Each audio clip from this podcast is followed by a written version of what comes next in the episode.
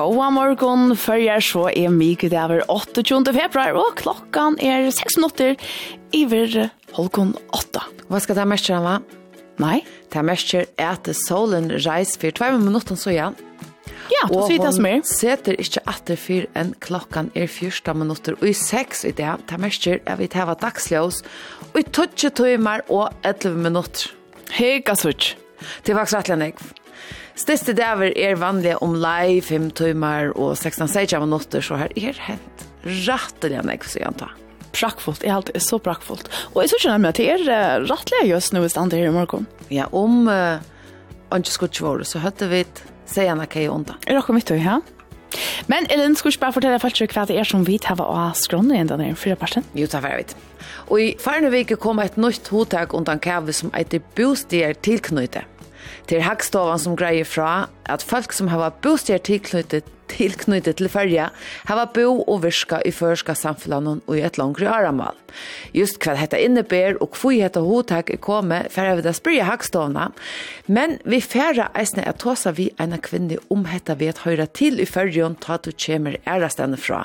Tog og sånn føringar ut tja einar som kjemer ur ørenlandet og ærer mentan, og som samståndes nu hever bostier tilknyttet til fyrja. Bostier tilknyttet. Godt ja. år. Ja. Etta fer, etta fer det at höra mer om 18 klockan 8. Som forelder er det områdende at lära bøttene at de ikke bare kunne gjøre akkurat det som de har hod til. Nøkker ting är då nejo, og at bøttene ikke tøymer eller ikke vil, Og man vet som foreldre, det kan elva til store åsemje at det kan en opopulære avgjør. Men det er just time og løtnen at badne mennest. Jeg ser det mørk og tårer at sier nei som foreldre. Det er evne etter klokka nødtje ta i helsefrøyngren Sara Golfoss vidjar.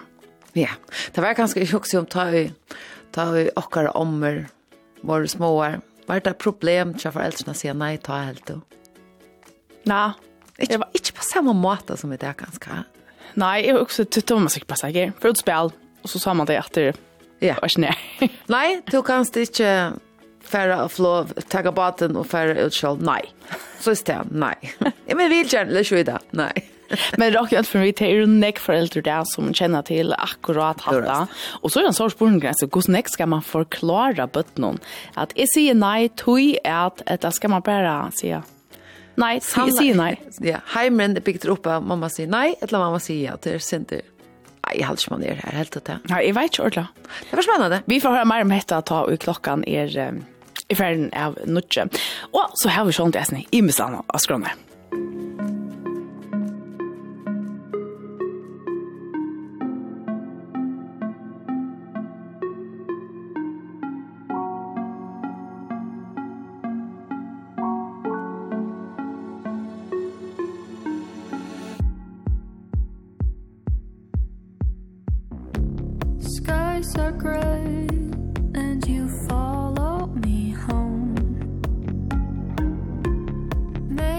stay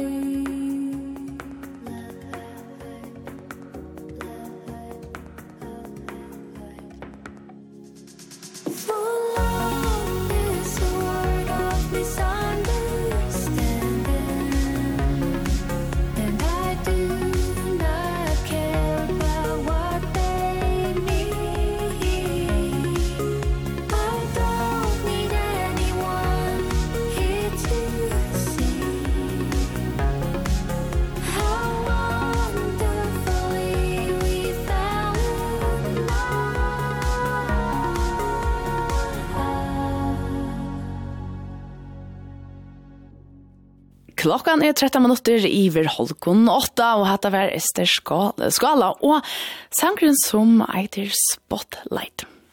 Um, vi færa at det tåsa seg ned det om hette her vi at høyra til i fyrrjon. Bostier til Knute? Bostier til, altså det, det år er det som ikke ordentlig sett seg med enn. Det er godt at, at det sett seg på en av veien. Men så får vi også om det, det som kommer hendt vägen veien, og så få til bostier til Knute. Mm Kvært hugsa tei om føringar. Altså kvært gera føringar mann som man kanskje ikkje ger sånn ekvar stand. Kvært er ser førsker ætborer. Ja. Hva vel du? Altså kvært er det som vi ger førjon som man kanskje ikkje ger sånn ekvar stand. Ja, altså alt som vi gjør, vi snakker øyne om vekse. vi snakker øyne om vekse. Og jeg visste om, om man gjør det, og det går så er det stedende. Altså, det det er et, et evne som uh, luggar mye hvert og nesten kommer. Luggar mye om det er en en varsla om du sender buss noen, eller att jag mye hvert du skal. Så er det lukker som et sort et evne som vi ankorsräkna har lite till uh, komme nå. Altså, da man sier så man tar seg en vær og vind så gemma där. Bokstavligen. Ja, kanskje vi har du näkom det eller hva? Jo, helt sikkert. Jeg säkert. Jag rockar inte vet hos Lorena om det. Altså, nå Nu jeg bare til Arne da jeg leser nere i Danmark. Ta altså, det var det var omkant ut så så man får snacka om om växje. Nei, det var så. Nej. Kan jag tog som att det Hva kan helt tog er sånn til ser. Ja, hvis jeg att det är nämligen till hva, kvätt annars är om oss, några. Mm. Så en en dame som kommer vidare med her oppe, han var imponeret över av at vi omkant helt uppe att tosa. Du tar det enda vet Det är anda in. Anda in. Då man snackat tar sig att man anda ut och tar man anda in. Man kunde bara bli vi. Där så haft en ena röve och där. Ja, a föringar tosa neck. Ta det anda in i mån till att var fri frita. Och lova. Och hade jag kanske helt sjö är det sanne? Jag vet inte. Nej. Men hade varit alla för det som som hes nog säger vi har rundt over slett ikke så hoksa så länge om akkurat men det ska passa det gjør vi i vad det. Ganske uh, lustarna hava och som te halta er skjerførest. Hva er det vi gera som andre ikke? Pröva och sende dock en SMS på at 22400 om du har och short. Ja, det kan bli sånn stort lätt. Låt mig höra.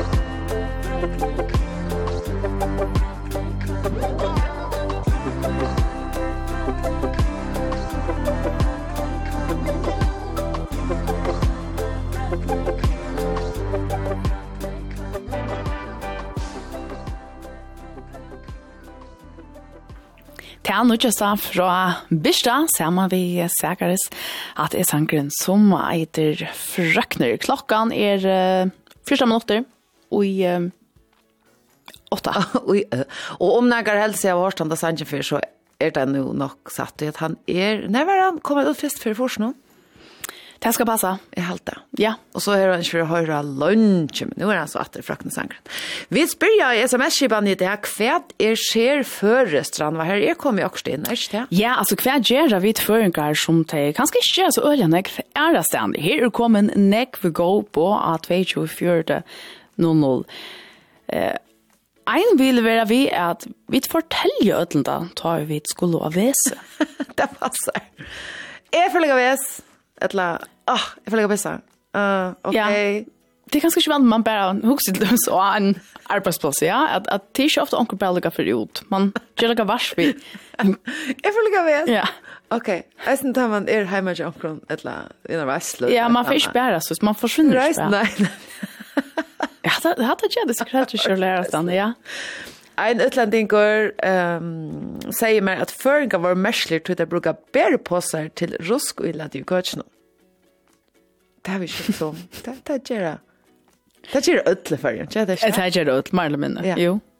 Og så skriver ein her, alle føringar eia Victorinox knuivar det passer. Ja, det her skriver faktisk en av tredjeisen. Vi tatt penna viner ur Danmark til Eikjekke Folkeskola. En dansk er helt utrolig at ødel brukte Victorinox knivar og gaffler. Så sier jeg, tar vi møte omkron som vi um, kjenner, vi tar vi møte omkron som vi kjenner, så sier vi bara, nu, og så svär hin, ja, yeah. Og så køyrer samrøven. Hette er faktisk en løy måte at bygge en samrøve på, men vi føringer, vi vet akkurat hva du som ikke. Det var så. Her kommer nek flere på inn, men vi skulle hava vever om en liten løte, så vi tar fatter og gjetter etter at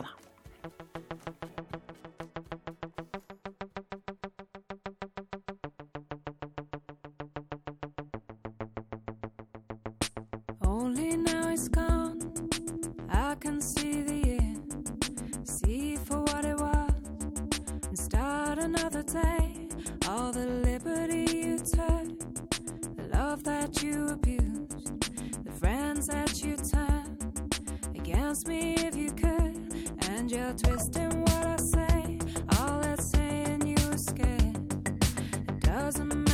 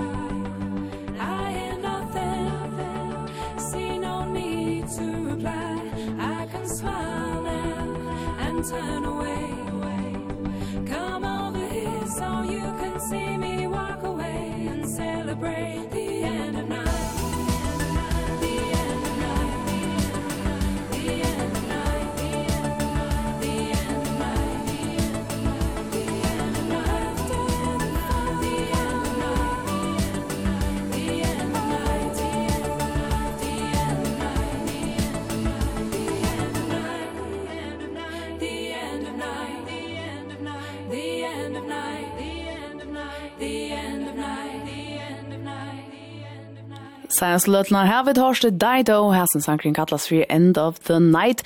Klokkan er om å være kvært fem en halv minutt og i åtta. Og nå er vi så kom til vekkre, Elin. Det er vi til å si at vi går av morgenkontoret fra Veverstående. Ja, morgen. Hva kan du si om vekkri og i morgen? Det ser ikke galt ut bare nå. Ja, men det har vært godt vever halvdags i morgen.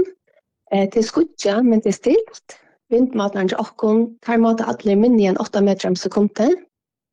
Og så er det eisen i prøver torst i morgen. Eh, Hetta goa vekkret har vært halda av fram fyrra parsten. Men ute mot døvra eller tullja setna parsten ta for det regna. Vinteren han vekser eisen i sinter opp i 1,8-13 meter om sekundet. Fyrst av landsendinje, og i kvöld sunnan. Og ta vi komme ut av nottene, Ta minka vinteren atter, og det blir alle vever. Hiten og i dag og i natt, han kommer å i midtelen 2 og 60. Og ta du sier at vinteren vekser, hvordan er det til så? Eh, han vil, det var ikke nekve vinter. Han vekser bare mot er det øyla stilt. Um, og da snakker han bare i kveld, tar verden, han er mellom 8 og 13 meter om sekunder, så det er ikke nekve alle gava. Nei, fint. Um, men mer enn jo. Ja, akkurat. Og hever du et løyde kikk til i morgen. Ja, i morgen så er eisen utlaver en dag hvor vi løyde av vinter. Eh, det er en skiftende skoiloft, og også alle for ganske fram vi eisne. Uh, om kvöldet, eller om natten, ta brøytes vekkere. Vinteren han vekser, og atten hon hakkar opp i norran. Eh, så, så det er veldig kaldere, og det ser ut til at det kan fære kjava da. Hiten om dagen, han får eisen litt mellom 2 og 6 stig som i det, men om natten han nyr mot frostmarsjen. Tas, takk skal du hava, Tori, så vita vid hvordan vekkre verer i det, og, og i morgen. Takk for det. Så takk. Ja, så vet jeg vi tatt da om vekkere. Um, Elin, uh, sitter her sms-kipen her, kommer en sånn ørgrunne av boven inn. Ja, ja, ja. Og jeg lurer deg greit fra. Det var meninger. Hva er det vidt føringer gjør som man møter ikke gjør sånn ikke er av? Vi kan ganske teka nøkker jeg snur boven og er en tøyntene kommer klokka åtta. Jeg halte det. Ein skriver at det ser først at vi ikke omkring åttene spyrje om vi kommer til inne, man tropper bare opp. ja, jeg sier sånn det samme. Før en gang gikk inn og andre benker og på. Ja. og, så, ja. og så sier en at skipstrøtje, det er gikk skipstrøtje, det er ekvelige først, eller i øtlandføren er det en første sier, og det passer så. Vi er kjent for at hava henter at rom bak ta vi genka, annars hever ein føringer boardingkost og pass og i kyrste lommanon ta han ferast. er det en heldig du? Jag halt. Jo, man ser typerna. Jo, jo, jo. Oh, ja, kanske. Jo, jo. Kjørste. Ja. Birdingkurs. Och pass. Helt og nekker kjenner seg troffna eller? Ja, ja, jeg nekker kjenner seg at også. Jeg ser ikke man til. Ser ikke man til. Vi kjærer sammen skulle man haft en lomma. Er ein som skriver at danskon er video om ikke bare omsetta. Det er ultra først at nummer 1 ikke møte til tøyene. Nummer 2, ikke benke på og andre først inn i huset. Og nummer 3, at eta egg flere rastan med. Men legger vi kommet til at rett, føringer er fantastisk. Ein sier jeg ser først er at um, man fer i bojen og i joggingklæven. Ja, Men jeg också altså, det är nästan Men du i bojen bojen ta altså, ut og kjøpe inn, eller menar du vi dans. Är det också bara gå finna på för vi, vi dansa eller också sådana bar where vi såna hette tror jag och någon sån där. Ja, ja, jo, säkert. Wow, ja. Jag syns inte ångst där. Nej men alltså ja. ta att, att nu då säger för de i ju läs men ta minst är en öliga väl. Alltså här för Jon heter ganska jag vet inte om man säger åren att Jocken Clay blev ordla flott och smart då. Ja. Som det är då nu ofta. Eh ta ju er för till undervisning i skolan så väldigt öliga ofta och nämligen omkring sådana. Jag tar så ganska sån träningskläder, eh joggingbyxor och onkel sån lace tröja till. Och och tar jag alltid nå är du på väg till träning? Ja. Eh då så nej, eller quiz på sånt här. Vad ska man? Och då är också inte är väl nog han ena alltså som rätt ofta vär och utan Rätt joggingkläder. Så Ja, faktisk. Ett annat som er nok så serføres det er at stekka i rundkøyringen for å løyva ørenbilen inn, skriver ein her. Ja, alltså här här kommer en sån rikva in av ödlor. Jag tycker att man vet inte nå ett av säga ett Ja, tre att säga. Um, um, jag ser anlat i utvärspen. Det är ekvia först. Det här vi nämnde inte hörst näkra era stävne än i färgen. Och det är ett av dem som jag också först om, nämligen att ta i man säger kvärt är sker först. Det är ödlor som sker först, ja. Vi så sier kom... ein her at ja. i halte til bare i fyrjun er vi eta så nekva kaker til føyngardier og brittleip. Hatt var det, nå er klokkan åtta. Stor skei var i City Church i Havn, ta eldre kom ui her i natt. Boa var fra elden klokkan 8 minutter iver midnatt. Ta var eld, eh, åpen elder ut i parsen av bygningen her som oljeføringen er. Eldren var sløkte klokkan halvkon tvei. Ongen var inne ta elder kom ui, og ongen fakka skei var. Men City Church fikk storan skia, sier politiet. Arver og tjuna skillnavur standa overst i haktølen og kjøratta hjelpene 2023.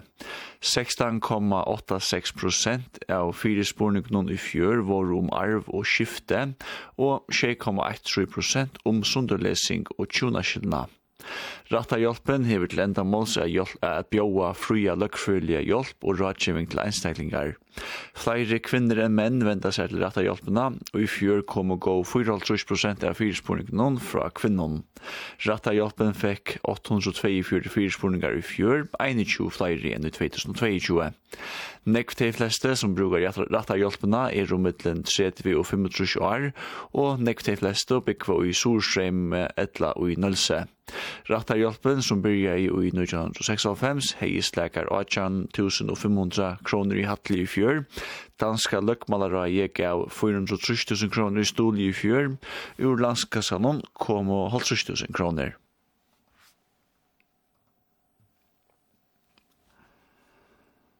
Gomno bergkålene norr om fjall skulle brukas som tilbyggvingar lei, ta nødtjo bergkålene er li og sent i år til sambarstøyeratlandet, men arbeidet gonger så vel at det kanskje vil livet fyrr. Det sier Dennis Holm, landstyresmøver, og i Sverige til Stefan Klein Poulsen, løkningsmann. Stefan Klein Poulsen spyr om gamle bergkålene kunne brukes til rennarar, gongerfolk og sykler, etla som vannkomslo til eit no smoltdeling. Landsverk melder til at varveida gomno bergkålene som utbyggingarlei etla alternativa farlei, sier den Solm. Han sier at bergkålene er jo ikkje i någån stande til å bæra ferslo, eit no folk til gong og etla syklo. Bommar vil ha setter fire bergkålene. Men, men tog verur framvegis mulig at køyra fram til bergkålene avverande vevon. vevån. Boratali i Sur-Korea skapar botnen. Boratali som langt er heimsens laksta minka i fjör. Og i Sur-Korea eier hver kvinna i meial 0,62 bøden, til vise til fra koreanske hakstående, sambars Reuters. Hette er fjore år i oppisle at Boratali minkar, og i 2022 var det 0,68 Til samarbeidingar var boratalje i fyrjon 2,05 og i 2022. Sur-Korea er einasta land i OECD, fellesskaperen om boskaparlig samstarv, som hever eit boratal under 1. Det hever det veri siden 2018. Landsens kjøtten hever sett seg som mal av venta gongtene. Her heima atter, Rutvang, landstyrskvinna, votta til som beiner Johannesen Tinkmauer sier. Hon sier at reglene er ikke alltid blir fylltar ta at det allmenna skal kjeba vörur etla tænastor. Stånar landsens hev å få upp på at kjepsportalen og tar hev ikke alltid by om undadagsløyve. Rotvang sier at røntene viser at landet har haft større spæringar om landsens stånar bjóa ut i fela og våre meira bundner i rammesoppmalen. Charles Tovan heldur at landsens stånar skulle bjóa ut i fela og her vi binda seg til rammesoppmalar at nekri stånar slipper undan avsendingen i rundskrivene om UPO, moar støy undan rundskrivene om. Kjallståan held reisende er at opphatsmørsene fire når bjåa skal ut vera lakka, og krevja skal av stånden at her leta kjeipelandsens oppløsningar og bruka at, at, at bruka til haktøl. Landstyrskvinnan i Fudjamalen atler er mela landstyrnen til er fylgja til melnum. Hon fyrir nesten a bygge om undertøk fra landstyrnen til at dagføra rundskrivet. Landstyrskvinnan fyrir eisne, saman vi Kjeibe Landsens er kanna, om stånar fær og latt om avsetningarna i rundskrivnen om Kjeibe av vøren og tjennastånd om stonar eh, om stonar vir funnen er fer heldur latt om asendingarnar eier jottanen er vera skoren samsværande stendur i sværnum frá Rotvang landstures kvinne til beiner Johannesen Så da vi vannar, låt til Løyde låt til frukslåt vestan og sunnan samtidig og iverhøver torsk. Seitan barsten vekser vindren opp i fruskan vind etla struge vind av landsninje samtidig og regn. Og i kvöld flakkar atten nir i sunnan utan nottena og fyrra parsten og i morgen låt til frukslåd av imson 18, skutja og akkurst elle, hitemiddelen 2 og 6 stig.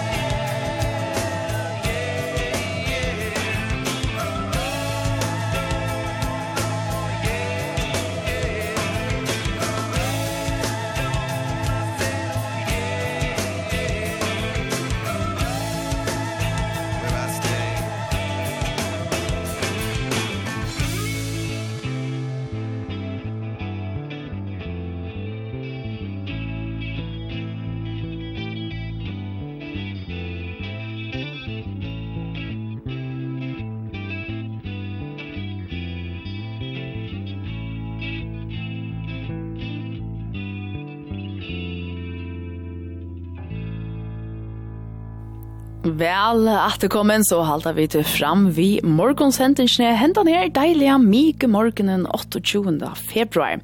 Her har vi Red Hot Chili Peppers og sangren kallas for Under the Bridge. Og i jar så sålte vi uh, av Instagram henne litt og kan av alt mulig viktig for morgonshendingsne sjåvande. Og da kom vi fram og en video av en svarstånd heste som gonger ut i kavanen. Ja. Yeah. Og spårningen her var, gonger høsten imot det der, eller gonger han borste fra der. og vi kunne ikke semjes om det, så hva gjør man så? Jo, sjalvante så leter man da opp til okkar kære lortarar og fylkjærar av Instagram. Så vi lette oss av videoen ut og spyrja. Det kom. Gonger høsten borste fra der, eller imot det der. Vi bor jo ekkelig åsam der. Ja, purasta. Ja, Og det kan jeg helst si at det er føringer eisene. ja, hvordan ser du opp? Her er det iver 500 500 folk som har sværa. Mm -hmm. um, og 40% halda vi mer, og 46% halda vi til. Haha. Um, ja, jeg var pura samfunn om at hesten kom gengande imot meg. Just så. Ja. Men uh, jeg har alltid hatt det for jeg litt enn jeg lød så om du hever hod til å søtja og si at gjøre tøyne mening galtande, så er affæra inn på Instagram, vengan tjokken og finna til storyna som ligger her, og viser henda hva sikna i hesten.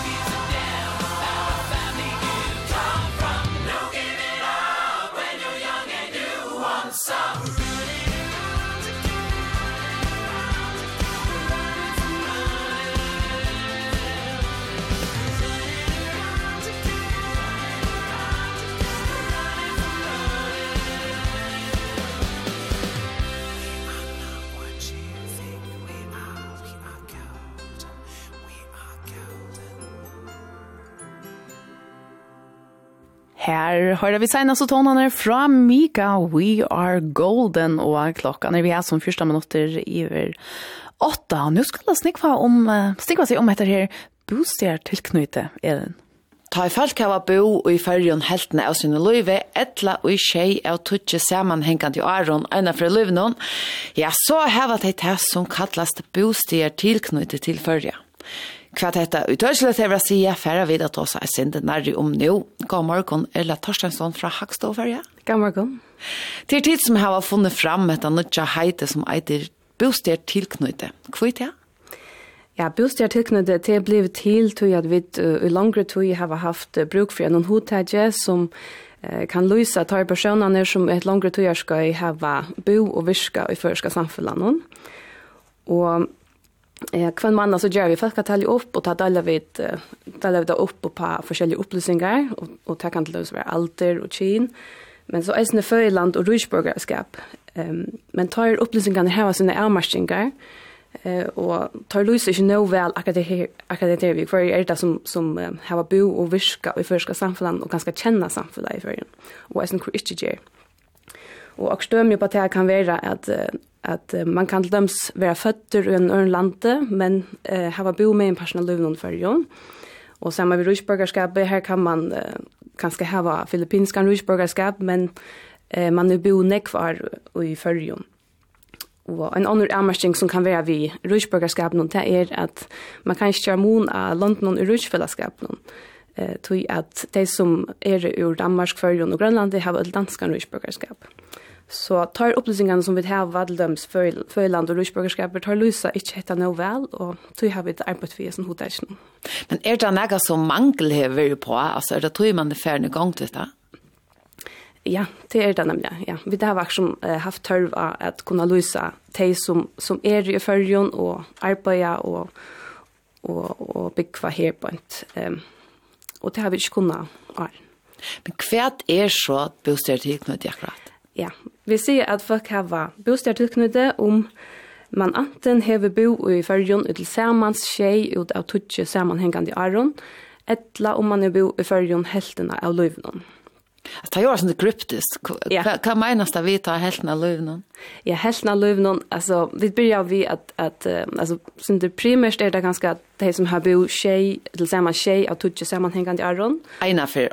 Eina fyr ja, og i einon tutsi er at tojarskai hvis man tillsammans hur bo eller kan tälja att man hur bo tjejer eh så vill man är mest bostadslöknade och tar vi att bygga hälften av löven det kanske sälja alla till att få bötn att tälja vid tog att eh hvis man hickar som tojar tojarskai och ett barn kanske är 8 år så kan det inte en alltså Luca ta kräv ja. Så då är vi så sagt ettla hälften av lövnon så att bötn är som tälja vid Men hva skal man bruke det til? Ja, altså helt overskipa så er det att at, at djevene mer detaljerer jeg mynd av eh, først, altså folka sammansetningen i førgjørende. Eh, og enda med det er at Luisa, som jeg sier, at, at eh, tar personene som har bo og virka i førska samfunnet og kjenner førska samfunnet. Eh, men øyne kanskje kunne vantas at her var et avvist tilknøyde eh, eh, til fyrja oansett hva for føyland, eller hver man er føtter, eller hva en rusborgerskap man hever.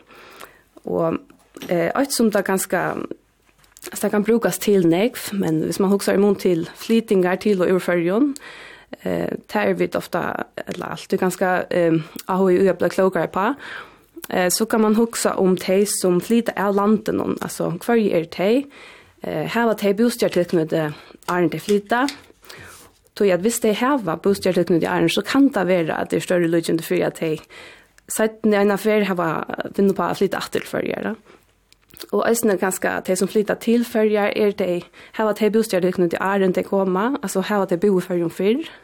Ettla ikkje. Alltså är det mer nutch i förska samfällan eh ja, så det är ju man kan man kan bruka detta lucka som som är är uppe sin vi täva, alltså att alla folk att ta ut på eh, ja, så. Ehm um, det är föringar som eisen är vi och i hesen tölen. Alltså det är inte vi snackar inte bara om utlänningar som kommer till Färja. Ja, det är rätt. Alltså det är simpelthen öll, alltså vi hittar ett bostadsgräsättning går tja öllon som bygger fyrjon och hava bo i fyrjon, så jan 55. Och ja, öll de som luka Anna av hesson grövnon som vi nevnte, eh, de täljer vi. Så eh ja och som hon för hon så eh kan det kanske vara alltså heter vi att ja alltså i nekom för är det folk som har bo i förrun alltså sitt liv och är född i förrun. Ehm ja. Och ta kan man nästan alltså till dömes läsande. Mhm. Mm som färra ner och är veck lunch. Ja. Men som kommer åter ja. förja. Ja. Tej Eh ja, alltså visst man till dömes är fötter i färjon och bor i färjon intill man att läsa ner att läsa ganska eh tar man i om 20 år här eller eh ta hem man eh är det mer man som blir nack som är mest vi bostäder tillknytte och jag har högtalare så kan man vara borster under några år och och tar man så vänder hem att det så så är man långt är mest vi så kommer vi lyckas som till dömes ställa Hvis vi hittar etter det som flyttar till før så kommer vi ta sig, ja, ja, hes i det er så jeg bor for, och så så långt ja. Och ta mørket det inte att det skal om at det Nei. Alltså så det är inte tjej är åter ut av det man nästa tutjo. Nej, det är det inte. Inte vi har så nog där nu. Det är bara hvis man ena för löv någon häver eh, uppfyllt andra av. Om man hickar att höll så är minst bröt nek senaste tutjo är när du färre häva bostad tillknytt i det en för tutjo så ja. Kvar mest det? Ja, eh, ta mest att Alltså det är färre som har bostadstekniker nu eh än för tutjan sjön och i till folkatallet. Alltså folkatallet är vuxen ek för senaste tutjarne och det är talet av timon vi och åtta bostadstekniker ösne. Men eh byte tar mittlen är brott. Och nu är det eh alltså det som inte har bostadstekniker är nu en större part av folkatalet än för tutjan sjön. Eh ja. Och och ja, till dömes det har vi ehm 4-5% av folketalene som har bostad tilknyttet til ferier, och för tutsjeren så gjerne var det 8-5 Ehm Och är det att du at det är så nek folk flott til ferier nyligen som inte har bo här för Ja, och jag som, till dem nu har vi samma at du gjør skal i seneste tutsjerene, så ja, det är det folk som, som um, det är flera folk som bygger ferien i det, som inte har bo i färjan før. Eh, och det som vi så sørger, jag vi deler det ut på rutsborgerskap, alltså i Balkon så är det sälja. de som inte har bostyrtilknyttet, det är sälja folk som har danskan, eh, danskan rutsborgerskap, men så øsne eh, som er, har rutsborgerskap i eh, Europa, utanför Norrland och i Asia. Ein av teimen som hever bostyr tilknytte, men som ikke kommer i Danmark, og rutsfellesskap nå til, er Birgit Remmel. God morgen, Birgit. God morgen, Ville. Velkommen. Takk for det. Bør vi spørre deg, hvem kommer til jo? Ja, hvem kommer jeg? Altså, mine første 20 år har vi livet i Tyskland, og jeg husker ikke om at jeg får enda nærkere ærestande. Og så har vi faktisk uh, bo i tveimen omføren i Danmark og studere, og eisen i tveimen omføren i Førjon. Men jeg bor langs i Førjon, faktisk dobbelt så lenge som i Danmark. Og Så største parten av min liv har vi valgt å bygge i Førje. Hvordan enda i to i Førje? Ja, jeg er alltid en sånn fytter spørning som jeg ofte blir spurt, og så husker jeg alltid om hva for hukkbordet ligger at han vil si at jeg er enda i Førje. Tror jeg, at jeg har, jeg har middelandet en utbygging til EU-tolk, så jeg kunne sitte i Brussel og tjent nekva penger, men jeg har så valgt fram om at undervist at det underviser ungen i Førjon, og det har vi gjort vi glede til at jeg hadde det bygg var her nekvar kvaliteter som ikke er funnet i Brussel, jeg har vært her. Så, um, men... Men gå spørre til at, at du komst til Førja, hvis jeg da så veist. ja, jeg, jeg fikk et lestrelegat til å være så i Kjøpmannahavn, og lese mål, og spansk, så møtte jeg en øyelig av vøk som Drønge, for en av vackra rødt som sank flotta sanje för mer.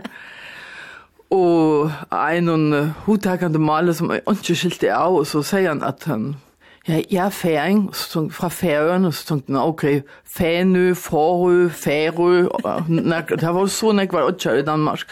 Så jeg husker, ok, en når jeg åttjør, tror jeg, og først før, i forra vidtjen fikk jeg sjokk at jeg kunne sitte tvær timer i en flåfærd, at det var til innan för. Så jeg fikk simpelthen det där sjokk där jeg kom til førja. Och det var først i forsen og det var ju faktiskt att vi var trutjar jenter ur Tyskland som kom ta och vi er alle trutjar enn. Så till Monica Staus och Annette Nilsson i Västmanna, ja. Men hva var ta tutt första intryck av föringen? Av föringen? Ehm... Um, Alltså jag var så häpen att gå in i en öliga, livliga och gestablöja familj som tog väl emot mig och sälja värma man var öliga gå på en gång att, att uh, simpelthen beina vin att ta sig mest förrest vid mig Hast, jag fick vita från Nick från öronen att gå och inte röna lärare förrest det blir slett det blir simpelthen till, inte du vet, för så ytla vi åker att male, alltså folk fraba oss att på den här massa, du vet så. Det man har accent eller? Ja, eller du ska bända och sånt ting och folk så det det bara som en stil och så tändrar jag sen på om det nog kunde passa. Um, men alltså ja till det som jag lägger mest stil för beina mina på hauna kodet lums och så checkta upp för mig att att alltså att det är en vanvittige kreativiteter i färgen alltså som är proportionellt alltså så när jag hackar ni känner några ärstan fra jag bo på Danmark, Tyskland, Spanien, alltså nu vill jag vad stanna för oss alltså i halta till försklan att vi kunne være edgen av. Och så har vi denne förbi stuttlige mentan. Vi nu kallar vi det fermentera för istället för rast. Vi er vi at få en uppfyllt men langt ta ikom i tag som är mindre öll och märton öll mat som jeg fikk, sier jeg og sendte det heim til ommen faktisk som kommer fra landet i Tyskland, og så sier hun, Birgit, du enda ikke heim vittlo. Altså hun helt det var så folk om jeg fullkomlig, man i det heil hønt. Så det var sånn, ja, så det var sånn, men jeg helt det var ull eksotisk, og jeg var så vanvittig av forelsket, så jeg helt alt var spennende og Og jeg vill ta öliga gjerne, og først han också jeg, ok, et år kanskje, men så valgte jeg det til og rundt at uh, passa inn.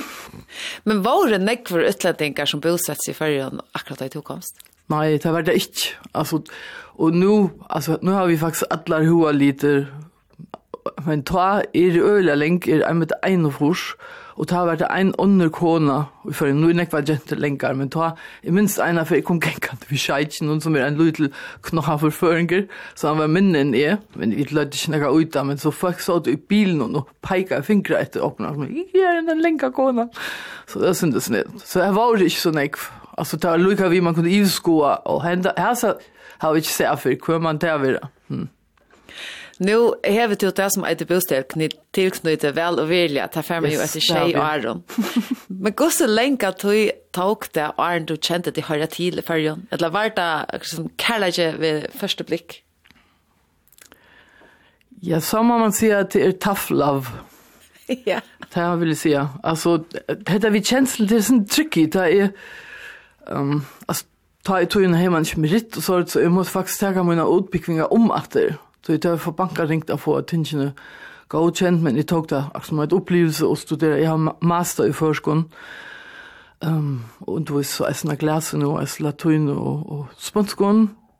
Så, uh, um, ja, hva skal jeg si, altså, så spurte du faktisk med deg, så velkommen akkurat som så lengt at jeg faktisk, jeg underviser eisne utlending og røyne og lærer at att då förrest om en sportare att få att att tossa det har vi gjort i flera år att touch och det rikar öliga väl kan det av att Ulrike Steuerwald är en alltså fick henne faktiskt till förra och lärde henne förrest och ta det är faktiskt intressant tror jag uh, Ta var on lagt batna det der funni ungen som vil til fyrja, og ich heit Ulrike upp, du visste at hun var ved til utlandet og rundt av ivetalene, og Og prona reaksjonen av landssjukhusen var at man ville ikke ha henne, og grundgivningen som det satt vi med som akkurat det du vet, assimilera mig på den närmaste var att ja men hon då så är förrest hon är inte skandinavare jag säger men jag kan lära förrest jag och det hon kan göra det. Men alltså det var också som hända när barriären i hörde att det var stil och kanske alltså synd ach man en sån kapacitet till tuma komma till följa att är du ända i följan du vet det kommer att allt det se ända i under följon ja. Nämligen, ja. så hon, hon valt en tillvärld nu här, en parstvist i förrjun och, och parstvist i Tyskland och hon älskar i förrjun, det var inte ja. Men kvarjar er det, nu du nevnt nekka av men kvarjar er det avbjøringene når tar man kommer utenfra til farger? Altså, hvordan kommer man her til at man også ja, her har er hjemme? Ja, da jeg flytter opp, da jeg prøver å skifte landet nær graferene, så jeg helt, hette du, du det. Hvor svært kan det være? Men så oppdager jeg i førjen at det er altså ikke nok å lære seg male. Det er ringt nok i seg selv. Men mentan, altså det var en, en større bit enn jeg tror. Og så særlig at da jeg så har jeg lært meg til og sanger og jeg minns jeg dotte flere repertoar utan at som jeg så først skilte tjej av skjettene.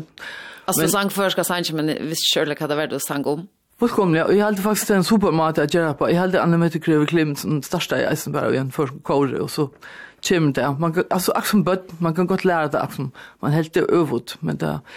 Men uh, hette vi alle føringer er så av gang grund og opptikner av slekt og hver man kommer fra, så man kan akkurat forutsige kanskje hvordan folk er det, og altså det gjør det, det øyla, øyla ringt som er, jeg tenkte, en av tog at føringer må ha sånn superheilar, at det har vært styra øtlenisene, og enn, altså er øle erren, hvis jeg vet nega folk, om slekt som kanskje en føringer som er vantna for at badnaføtter, ikke vet, så blir jeg stolt.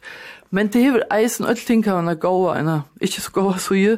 Og i munnen føre har vi oppleva öll ofta av folk, uh, hvis det er så oppdige, ah, er så ikke førisk? Nei, nei, sier, nå, hva er du fra? jeg er i Tyskland? Nå, sier det så, altså, det er ikke særlig entrant, så det er videre vi hva er. Uh, Det er det første kjelja, tror at Tyskland det er 40 millioner, og nekve landsparster som er som land, så jeg kommer fra en boi som er ølja, det kallar han ta nor norrjaste bojen i Italia, altså enda tyskare halda, kölnare, sinder, snedjer, vittler, men... Uh, um, er det i til slekt, så er det opplivet at i egen og tjaføringen alltid er en person som utan skugga, altså er det ikke interessant, det spyr ikke inn til pappa min, vi skal, altså om du så, hvis vi tog seg om, jeg vet ikke, diktatorer, krutsk, altså min foreldre vokste opp da jeg var ung da. um, og hvis jeg så kommer vi søvun, altså jeg skal liksom kjempe, jeg synes det meira for at, um, vetja interesse og, og komma og i tjøkkenen fordommene at uh, ja, at vetja en empati at sånne ting, det sutja vi nu sånne ting hender alle stedene, Ungarn uh, Torskui, altså demokrati er, er øyelig vibretje og til eisnaga som vi halde vi må hava større vit vit nu Kanskje kan man si at ta i si vid, ta i blir føringer, Men kanskje skulle vi i førjen være mer ærgen av at her var et demokrati og æsten letja åkken akkurat bøtt noe vi at det er noe som er så områdende av kjempa for og, og altså bidra til, velja, verna om og hava i tanken og i øtlen vidskiften og arbeidsplassen og alt. Altså demokratiet. Ja.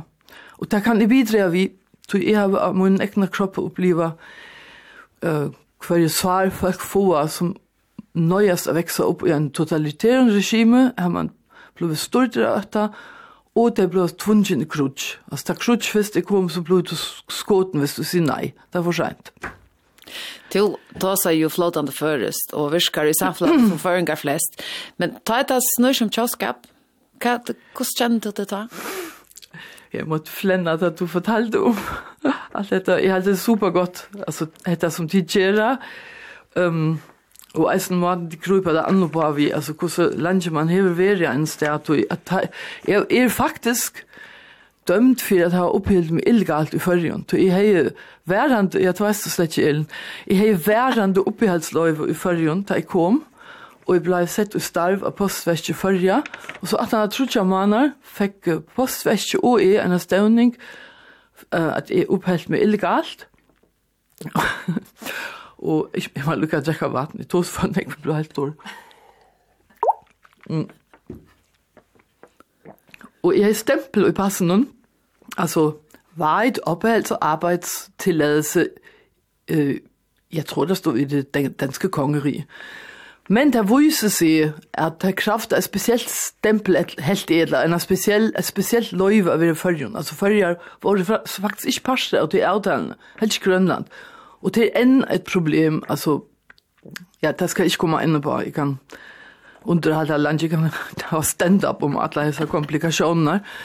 Men uh, faktiskt, um, visste det seg att, uh, ja, att det var så, och vi mötte ratten, och vi blev bare dømt arbetsplats och är, og dommeren han säger, alltså, vi, med, med blink i øyet, så uh, okej, men uh, sekten er null kroner, til her, og ingen oppløsning, hvordan skal du kunne vite det? Og så sendte jeg, nå kommer enden av det var at jeg sendte som et pass inn, faktisk måtte jeg sende pass inn så ofte så jeg kunne større ikke ferdes, så jeg skulle alle dine gå takast atter og få nytt uh, løyve, Men det hørte ikke engang et stempel for førre. Så jeg fikk det atter vidt det samme stempelen, og så er jeg anker i uh, Udenriksministeriet i Danmark, kost vi Kulepen et plus Färöarne. Altså färdigt. Alltså det är sånt komiskt.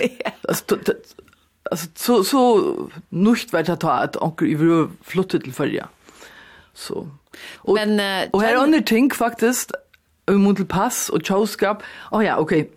Ganska känsliga så har vi ju att se att det flera matar man alltså ta folk experience om vi föringar så huxar jag alltid. Kan huxa det om alltså jag kan inte bliva föringar som en uh, maver i Eldevik som ångar det over fra bygdene, eller kanskje en, jeg vet ikke, en heimagengende husmor i havn, altså er det, altså det er nek mer samansett, og det er preka med lykka nek som tjåskaper, men altså kjenslemessig anna det blivet bøttene kommer intervjua, det er Og i øren omfær valgte jeg flytta til førre tog jeg vil så gjerne hava, min bøtt skulle vekse opp her, så det var det totalt tilvalg. Så er, jeg har valgt av tverferne, så er det eldt overføringer. Og det ble uh, døtteren, Inga, hun ble spurt hvordan hun følte, og så huksa hun sin, så sier hun, nå, nei, det er, det er i Tyskland, det er i Tysk, og det er i Danmark, så er det dansk, og i førre er det føringer. Men jeg hører eisen det øvåta. Jeg hører kollegaer som sier at jeg er i Danmark, så kjenner jeg meg som føring.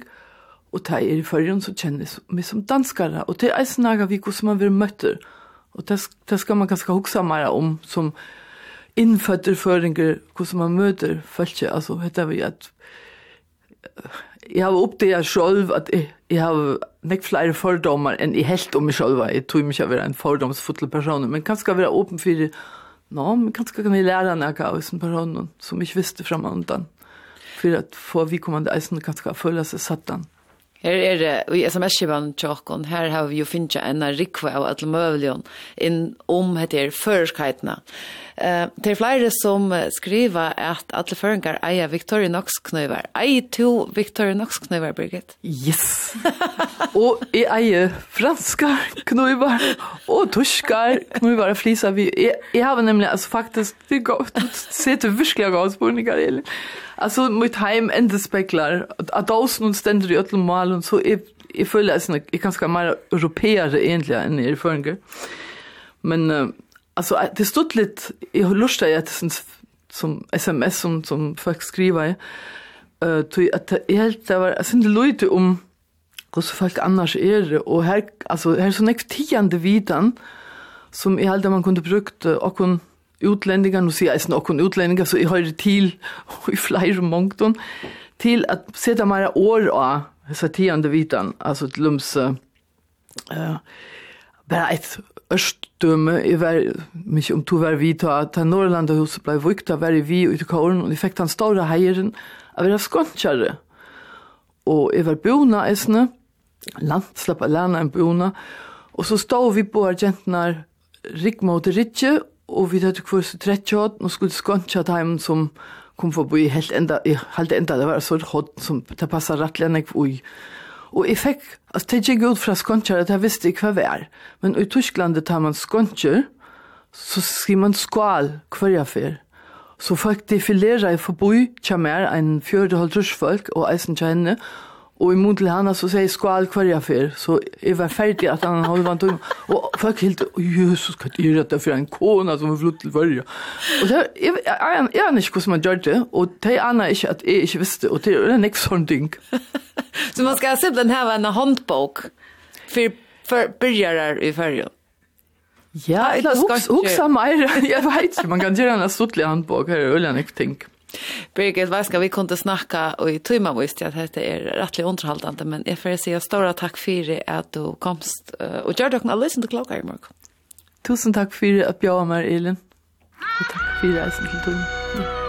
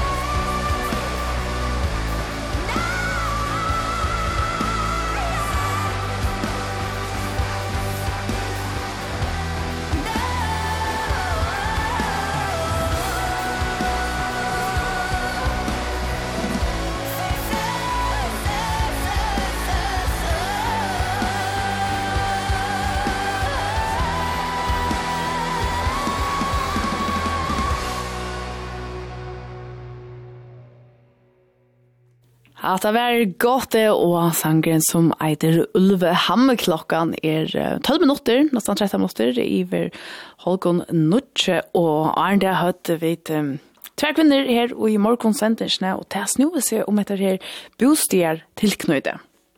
Det gjør det, og godt at du sier det til at jeg, hver jeg for røyne sier i året, så dette om det. Jeg kjører til. Ja. ja. Og jeg så litt at du har brukt fortelle om hvordan det er å komme som utlødinger til Førja.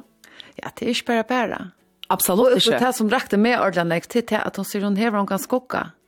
Tog att hon inte hever alla slektene, Sist bare han som bor vid såna tog och ta ett det det. Och det är ju några som vi eisene tar så ofta om i förrjun att det eier det til te och kvälluga som kvian erstua. Alltså på gott og ont. Ja, akkurat, akkurat. Det tar djeve näka men det kostar reisne. Ja, det, det kan det godt umynda meg, ja. Sikkert. Vi tæva, alltså vi tar spyrja tikkun, jo, um, vi spyrja tikkun, kvæt er halta tid er skjer først. Eller hva ja, gera føringar som ånder kanskje ikke gera. Og jeg skal si her er altså rævlig kom inn. Ein såren rikva. Rikva Her er en som sier at tog ikke om hvordan nekk for båtar og skip er til fiskeskap og hvordan nekk og kvætefiska er ofte høvestøynte. Jeg vil bo innsastand i verene, og her vil ikke tås om høvestøynene nesten kvønte at til dømes, hvordan nekk var kuir eller gruser er slakter i Danmark, hvordan nekk biler er gjørt i Russland, eller hvordan nekk vun og oliven er gjørt i Spania, Frakland og Italia. Ja, jag gör själv för det. Hörast och så spyr vi flera folk at att de damer i färjan helt enn ena spyr hver det kommer fra, og går ser her, som kanskje vil det være mer naturligt. Hatt er, er hatt det här vi fengt meg selv og i rättligt ofta. Inte spyrja hva damer der er, ikke spyrja, ikke spyrja, du, du vet hva det er for å svære. Det er for alle si, jo, vær slett alt. Tror jeg at det er som spyrja, og hvis det er ikke sier til jeg, så føler jeg at det er for nærmere meg som och i bekvant och värst. Alltså det känns sig som för något där så Ja, så fast inte annars svär än att Anke sier, ah, her er så mye kaldt, det regnar alle døgnet. Jeg gleder bare til å slippe hjemme etter. Altså, det sier det jo ikke. nej, det är en av kom Du så er rett nok så till dig. Här sier en lustare. Föringar eia eit först år som eiter eit uilat. Ratta meg eit uilat er at kåre tegnsiftnar ui, eller ratta meg eit uilat er at letja seierrøtten ui. Et sera relativt år her støtten kan være alt fra en luttlare eskjo til en baljo. Veit ikke om det er annet mål som eier et slukt år. Nei, men det passer. Uilat, ja. ja. Og det er godt til verst. Så det er mest ikke bare akkur som jeg kan køre akkurat i. Ja. Ordentlig stått. At bråta en av tøkten vi en kraftig, jeg mener det. Det er ikke noe man kan si er at han i verden. Er det? Jeg hei det som status av Skype en affær, og da utlenske viner spurte hva det merkje, så då ikke jeg forklare til at omsette direkte for, ut av kontekst. At jeg tar det er sånn poinlig, så sier onker, eia, men det... Og jeg sier, jeg synes det er det samme, ser først til jeg sier, nå, skonker, ja, yeah. Jo, jo. Ja, ja, ja. och så kör vi prat. Ja, vi får att ta några toner att chat och så mot lycka sortera. Det här kommer så näck vi måste ta några chat i alla fall. Army komma till klockan nu.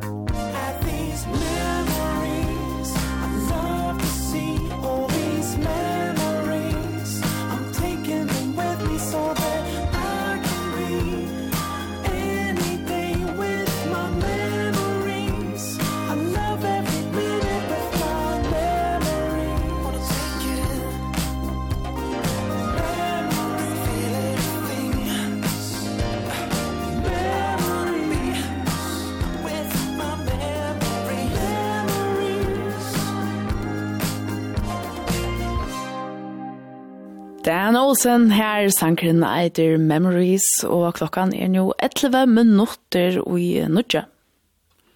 Vi talte av fram vi sms-bogen om hva er skjer først enn lødda træd. Det halte vi kunne. Her er en som skriver, før skal koner vakka til deg genka. Ok. Jeg vet ikke ordentlig om hvordan jeg ikke det firmaer, men jeg får rønne litt av er i et eller annet. Jeg synes vi stekker vi folkengrafeltet. Ja, det passar. Så jeg kan nekka stedene i heimen og kan stå stanta og stanta og stanta. Hvis ikke her er... Biler stekker for det. Det er stekker.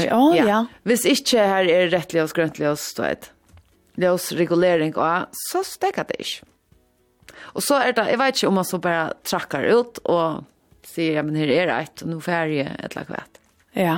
Annars er jeg ser først er at sørst og en bærepåse utenlands eller i lufthavnen, så er det helt sikkert føringer. Og akkurat det her... ja. bonuspåsen, sms-påsen, ja. Hatta, hatta, hatta kjenner man. ja. Det er skjer først at må i til vinter og hitja hvem vi er, akfer vi utrykning til fer, og så prater om etter. Ja. Jeg vet ikke om at det er bygd litt, altså så er sånn generelt, Eh, det är också små plats är det stanna. Ja, är halt jag så att jag det här. Jag var döm på att det som blir praktisera och i havn. Nej nej nej, nu menar jag åt nej, byggt slett som vid havnen är en liten big thing. Hamma där ja ja ja. Alltså är också alltså små byggt där i i Danmark eller små plats i Danmark och i norra och i Sverige och alla är stanna det där samma. Och ta i sig små plats som menar jag. Åh ja ja ja. Som det. Ja ja ja, nu är vi. Ja. Ich ich byggt slett på. Ja. Ich bin einmal da. Nein nein. Ein sier her, um, um, jeg kan lage en, ja. Først du omkring Åttalandet til dems en flåterminal i Toflon, så er det en føringer, og sørst du en kvitt botten av en gommesko, så er det helt visst en kvalping. Hatta ferie at leta stanta for egna rockning. Det ser først uh, ta man kommer kjenne en utkjønn person, at man kjenner familien at vi kommande trutjar generasjoner atter. Vi øtlån tilhører det. Ja. Um, så det er en som sier til ikke annet folkeslag i alle verden som grenjer lykke etla som vi føringer. Det er ikke godt nok sjokken. Og så godt nok en stor smile i at han fyrer, så jeg vet ikke hva det er. Sippa til. Eilers er sier føringar teka omgang til seinaste stikkje av einare køke, om her er eit stikkje etter av bornon. Ja, så teker ein helter heltena av sin stikkje enn at teka alt. Mm, man vil ikke være så falskalig å teka det sørste, er det det? Nå, nå tar ut jo et nek. Så skjer man så lukk en lukla alle som kakstikken, teka meg av det er så styr. Eit ser først er, man møter ankron til den sin handle, og så gong det fyrst og så er. Hei, hei, nu, Ja.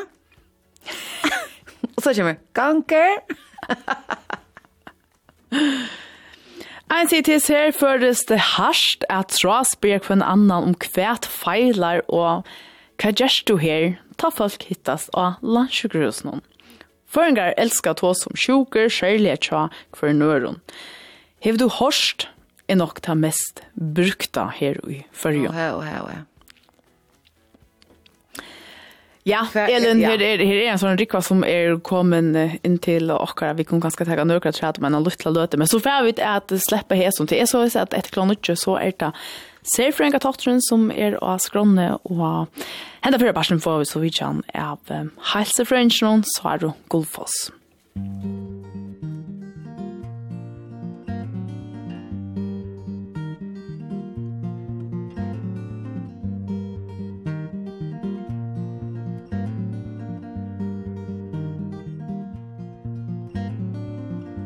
Aj undra fer Om fem minuter du näko på hjärsta Arren i kvörven Uppe i bussen. Och norrör i merskra Glaj mig allt om mossen Og allt i yrsta Oi tøyne ui bøl Oi tøyne song Som er alt og trang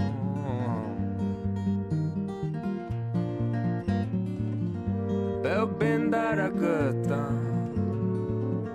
Det var best en løtta Nu er det best en tanke. Og meina løtu erst du anki meir enn a minne Og meina løtu erst du anki meir enn a minne Og meina løtu erst du anki meir enn a minne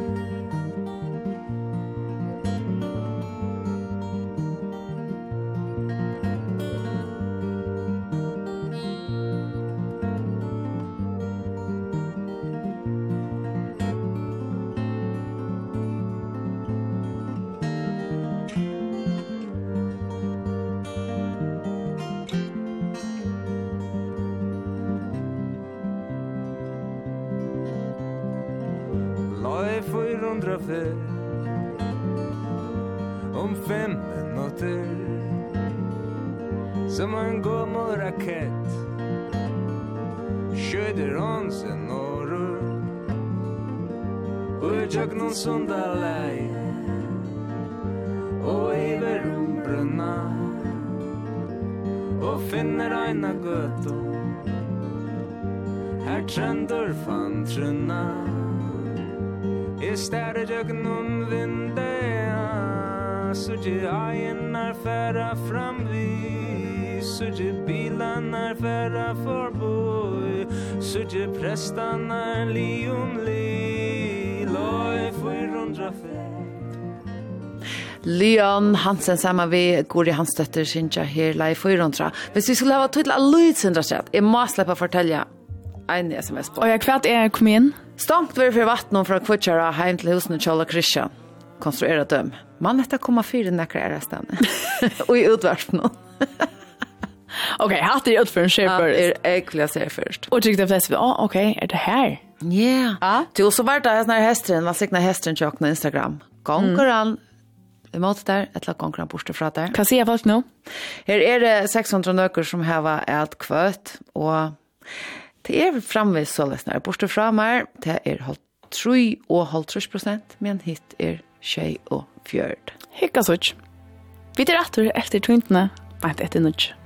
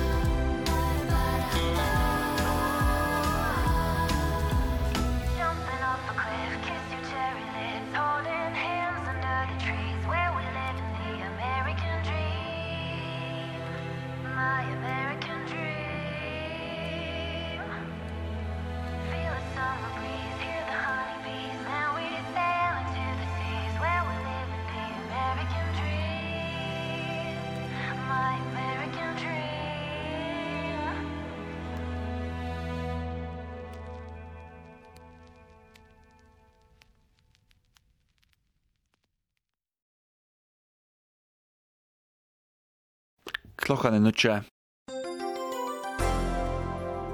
For gistingarhusene seldu kømur 400-120 millioner kroner brutto i fjør.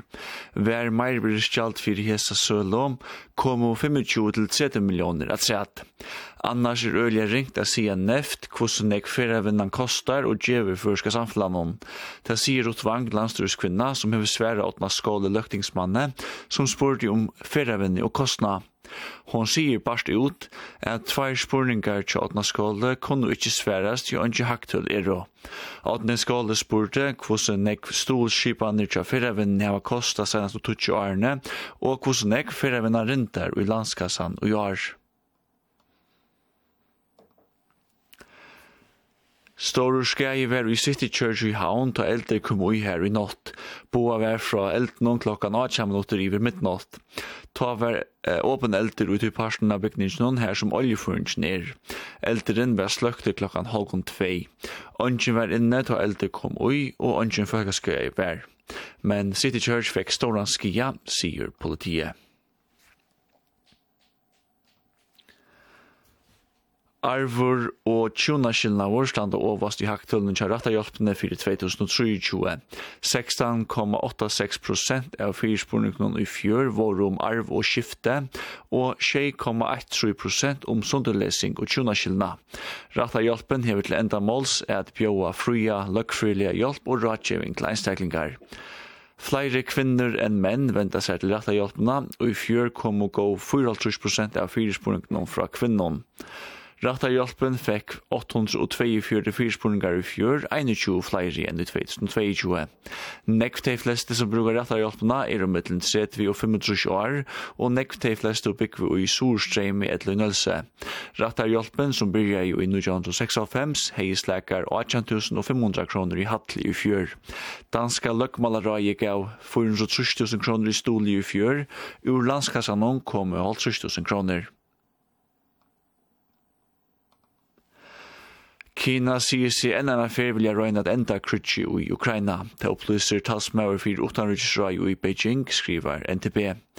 Kinesiske sendemaveren i euroasiskon virskifton Li Hui fer anna mars til Europa, her fyrir vitja Russland, Ukraina, Poland, Tyskland og Frankarudje. Kinesiska stjøtnen sier seg vågne å finne eina politiska samræingar løsning fyrir krutsi i Ukraina. Ombo fyrir Hamas og Fatah færa hittast i Moskva fyrir samråast om a skipa felags palestinska stjøtten. Eisne skal oppbyggingen av Gaza-karanen etter krutje vidgerast. Og i mean Hamas hever valgt jo i Gaza hever Fatah, som er størst jo mest tøyende vonkren i palestinska fralsesfellesskapen om PLO, lotfust valgt av Vester Årbakka. Manadagen kom fram at palestinske forsatesråharen Mohammed Steya og resten av stjøttene hever bi om å være løst urstarve. Årsøkken til at palestinska stjøttene legger fra seg er alloppen av Gaza-karanen herran og ofriren av vestara årbakka og i Jerusalem. Borartali i Sur-Korea skapar botnen. Borartali som langt er heimsens lagsta minka i atter i fjør. Og i Sur-Korea eier hver kvinna i mial 0,62 bøtten, til visa tøl fra koreanske hakstående sambars Reuters. Hette er fjore år oppe i sle at boratellet minkar, og i 2022 var det 0,68 til samarbeidingar var boratal i fyrjon 2,05 i 2022. Sur-Korea er einasta land i OECD, fellesskapen om boskaparlig samstarv, som hever eit boratal under eit. Det hever det veri 2018. Landsins stjøtten hever sett seg som mal av venda gongtene. Så vi kommer til vevvannar, lydig låd eller frukslåd vestan og sunnan samtlige og i vrøver torsk. Seidna parsen vekser vinteren opp i fruskan vind etla struge vind i avdansen gjem, samtlige og regn. Og i kvöld lakkar at det nyr i sunnan, jo da nottena og fyrra parsen i morgen, lydig låd eller frukslåd av en sunn 18, skutja og akkurst ele. Hiten mittlen 2 og 6 sti.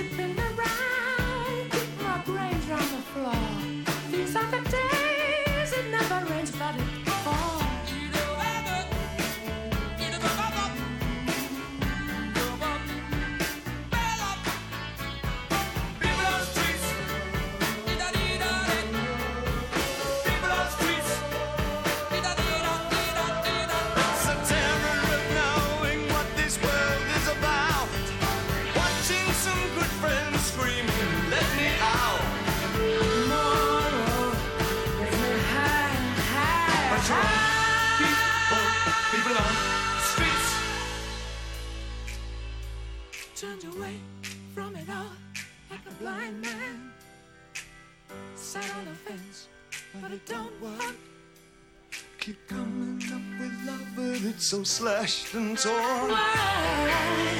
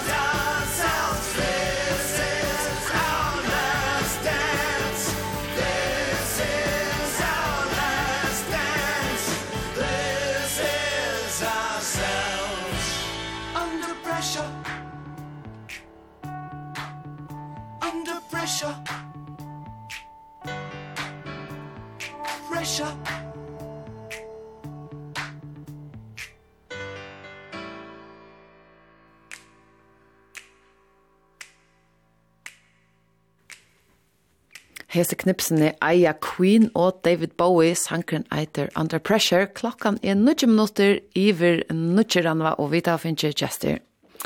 Som foreldre er det områdende at lære bøttene at de ikke bare kunne gjøre det som de har hod til. Noen ting er jo nøye, Hås baden ikke tøymer eller ikke vil. Det er jo just det som støv noen er at badne mennest. Jeg sitter mørsk og tår å si nei som foreldre til er evne neste løtene. God morgen og velkommen Sara Golfås, helsefrøynker. God morgen. Sara, hvor er områden som foreldre at tår å ta og populære avgjører? ja, gode spurningar. Um, men det er tog at vi eier så bøttene, og til okkar åpert at, um, kan man säga, få hese bøttene fra tog at jeg er litt til at jeg bliva vaksen folk til at bliva en gåer eh, borgare, altså, og, og som dår at vera ui en samfella og begenga seg som danskare sier så penta. Mm -hmm. um, men jeg husker at, at, at, at, at, at, at, at, at, at, det til en parst av tusen vi kallar for oppæling. Um, og jag hugse og i stortun er lukka fortelja hva badna oppæling er for nekka. Um, og man sier at uh, tann som har arbeid av badnon, som i aller fleste foreldrene, aller flest og fører noen er foreldrene, men det tar arbeid. Um, og det har arbeid av at uh, koma vi en rettlegging, og immun til ætferna. Så det er at lærer å leva og være og å kunne uh, arbeide sammen med øren. Um, og det blir vissar at vi må avmarska, vi må styra eh uh, tog trångtene og tan tørven som barnet hever. Og det blir seg immun til svøvn, immun til kvull, immun til å få mat og drekka, immun til tørven å røre seg, uh, men eisen til og immun til å få rønter kjenslige. Så det handler øyne om det kjensler som er uibor i okken som mennesker. Um, Så mest eisen til at vi tar arbeid av at badene for vending, så er det at jeg lærer grun grunnleggende normer. Altså det er vi å være i samfunnet noen. Så samfunnet har noen normer, vi tar noen regler som er mellom mennesker, um, og det er det som badene skal lære oppkjøkken og oppvøksteren. Um, Og vi kunne så komme inn på at vi at hvis vi får atter togene, vi tøtte kreftritt og retning. Ja, la dere høre sin syndrom til. Ja, og, og her husker jeg at uh, vi skulle ikke atter til kreftritt, men vi skulle ha en retning. Så badene, som jeg sier Johanne, det er vi har fått en rattlegging. At baden kommer verna og har tørva at vi har gaita, at vi har ratta inn eller så, at spårast og jøkken samfunnet, og jøkken hva det vi vilja vi badene.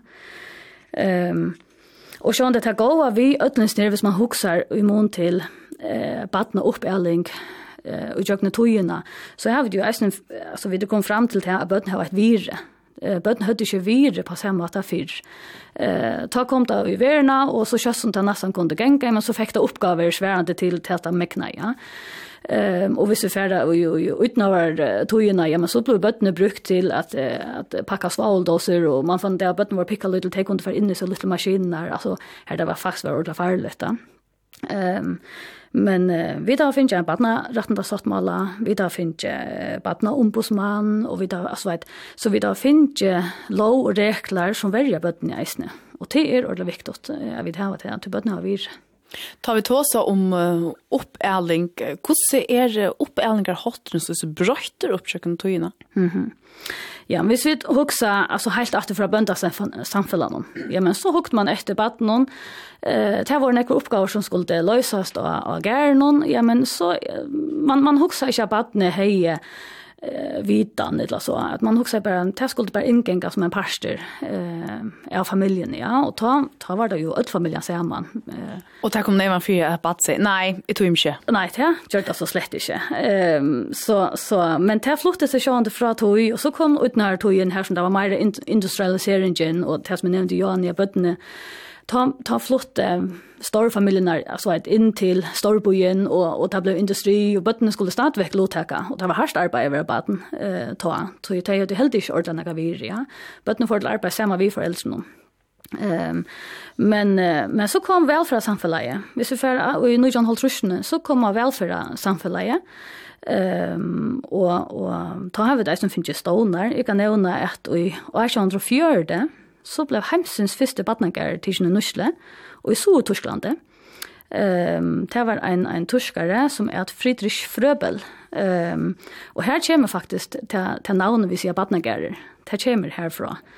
Um, så, så man får iver her og man fann det, ok, ja, men bøttene skulle passast her, og så kunne foreldrene slippe arbeidet. Um, Og sjån det, så har man jo hukt på, altså, hvis vi så hittir etter trusjonen og halvfjersen, ja, så kom upprester og, og vi tøtte knappja flow power, og um, nu skulle bøttene, nu gjør man opp vi at, at man skulle oppdre bøttene. Og, det ble mer sånn lassefær? Ja, totalt. Um, og, og, ja, og de måtte bare klare seg selv, ja. Um, så, men så, så ganger tøyen kan man si, og, og gransking kommer reisende på annen. Um, og da blir man finne av, ho, her er altså akkurat vi som bøttene, og, og det er, det her var nekka skulle sija, og, og det er ikke bare lyd til menneske, eller så, det kunne ikke bare selv klare seg, det må gaitast. Ja, altså, hver er vi det, altså, hvordan, hvordan, sutja vi bøtten, hvordan oppæla vi bøttene typisk i det? Ja. Yeah. Jeg vil si at det var rævlig enn jeg fremme i mån til oppgjelling. Um, og, og, og vi som foreldre vil øyelig ofte, altså, du kan leite av netten og, og man finner artiklar og artiklar og bøker, og jeg skal komme etter der i mån til hvordan jeg skal gjøre. Men foreldrene i det gjør egentlig det som samfunnet blir uh, om. Så, så det er helt ikke en løtt oppgave. Ehm um, och hvis vi så tar en man som Jesper Jol, det är en som är väl ölen framme och i mån till hur vi skulle vara om och böten han har en bok som är ditt kompetente barn. Ehm um, och och och här tog han fatt och det här vi att böten de hava alltså de ska ha en vilja och de ska släppa bestämma och hava uh, vara vi och i outgeron. Men han måste själv ta och egna barn tog att detta blir misskilt. Mm Eh, och man så är komen att sindru ut här att bøtene släppa att bestämma för nekv. Och och och ett nutch granskning visar att barnet är ju först fyra att teka egnar avgjør. Ehm det kan bara för att och, och läsa syndrom om heiland mån till hva, hva man är för fyra. igjen. Ehm så, så jag vill säga som, som förälder så um, man kan välja att köpa böcker om man har böcker om man har böcker men öl ofta så borde det ju också som förälder. Så det aller viktigaste av badni og tørva det er født til kærleik. Til at vi tfæra inn i støvna tjøy som badni. Um, og, og sette alt anna av pause fyrir av er om etter badni. Ja. Tøy at vi som omsakna personer hava så rævla, rævla stor oppgave. Og det er alt innanfor det første året som eh som barnet alltså man ser alltså heter det nevnt i Highland og Johanna ja. Ehm till två tojarskai i okkar løyve her heilen ordelig hever seg boost. Og til er ta baden er om eitt år alder. Alt det som vi gjeva badni om det første året, hvordan tydninga mye tann omsorganen er. Um, og så faktisk ta baden kommer opp i tannårene her 11, 12, 13 år. Um, til ta heilen er oppa sitt yttersta. Um, Så, Men ja. snackar man om uppälling ta i badnier ett år gammalt. Alltså börjar man långt ta att peila da inn, etla, nær byrja man? Ja, nær byrja man oppeila. Så kjøtt som badne byrjar at hala seg fram etter gulvnån og fer ett kontaktene. Så oppeila du. Etla postaplantene, etla Et, ja. whatever. Og til er det her vi at vi skulle, til oss med nevnte og i början ja, rattleying. Altså vi skulle gjøre det alt annet på hver til menningarstøye som badne hever. Så, så byrjar oppeila ikke langt her. Ja. Eh, badne ger eisen til at det pikkalt, at det ikke vet hva det gjør, så haler det i och og, og tasler, tog jeg til her som en. Men, men det skiller kanskje ikke målet så vel, men vi tar i handen og sier nei, nei. Um, så, så det er faktisk langt her. Um, men det vil si en øle stor pastor alltså altså, Hetta hevur uppelling handlar øðnek vont ta tilknøti sum barni hevur finnja. Så, så oppeling eller inte är barnen som ligger under vøgge och för att gråta. Til eisen en parse oppelingene er at vi fjerner til badene til badene græter. Badene skal ikke ligge gråta. Du tar tilknyttet som badene fjer, hever tøtning resten av lønnen. Det er altså, hvis du hever baden som er trygt, og i så noen tilknyttet, um, allt det som vi bygger i badene, badene er ett år gammalt og, og vi da har fyllt av vi vi vi du trycka kan man säga. Badene skal alltid vita at det vaksne er større, det er sterskare, det er klokare og det er vinnaligare, ja. Vi vita bansens tarv. De så badne er for ett år gammalt av stålen. Ja, men så hever det langt finner ikke fyllt opp alt det som eider eh ta tillknyte alltså till blund trick men här vet ju till eisne som som huxa heter här att ja men barnet till eisne glökt och barnet hever eisne en vilja barnet veik kvarta vil och tärska eisen släppa att Augera, alltså kvar är vi ut ösnar? Jo, men um, jeg hadde nevnt i kjensler i Johanne, ja, at vi er et, et, altså har badene i pikkaløyde, og faktisk oppe i flere år, så er badene et, en, en kjenslebomba. Alltså, det ska inte till så fer det upp och i det reja fältet och, och är det tog så fer det, alltså att det färra fra vara superglad till att ligga gulvnån och, och, och, och trampa och, och bänka golvet ja. Ehm um, og det er simpelthen tog jeg menningen til time og rent heilemessig. Hon er her at det er ui til et system som heter lim limbiska systemet. Ehm um, og vi kan kalla det synder uh, sujors heilen. Ehm um, og, og baden er simpelthen ikke først for til, til største kjenslen. Så baden er ikke først for at huksa og resonera og huksa ok, hatt er en konsekvens, eller um, hvis jeg gjør så, så hender hattar. Det er huksa jeg vil hava det her, og tog jeg skal hava det. Um, og tog jeg det så stor en tørva at være rattet til, eller så. En konkret støva kunne til dømes være at til et bad som, ja, tar rekner et eller utenfor det, badene vil ut bære, altså uten jakka. Mm. Ja.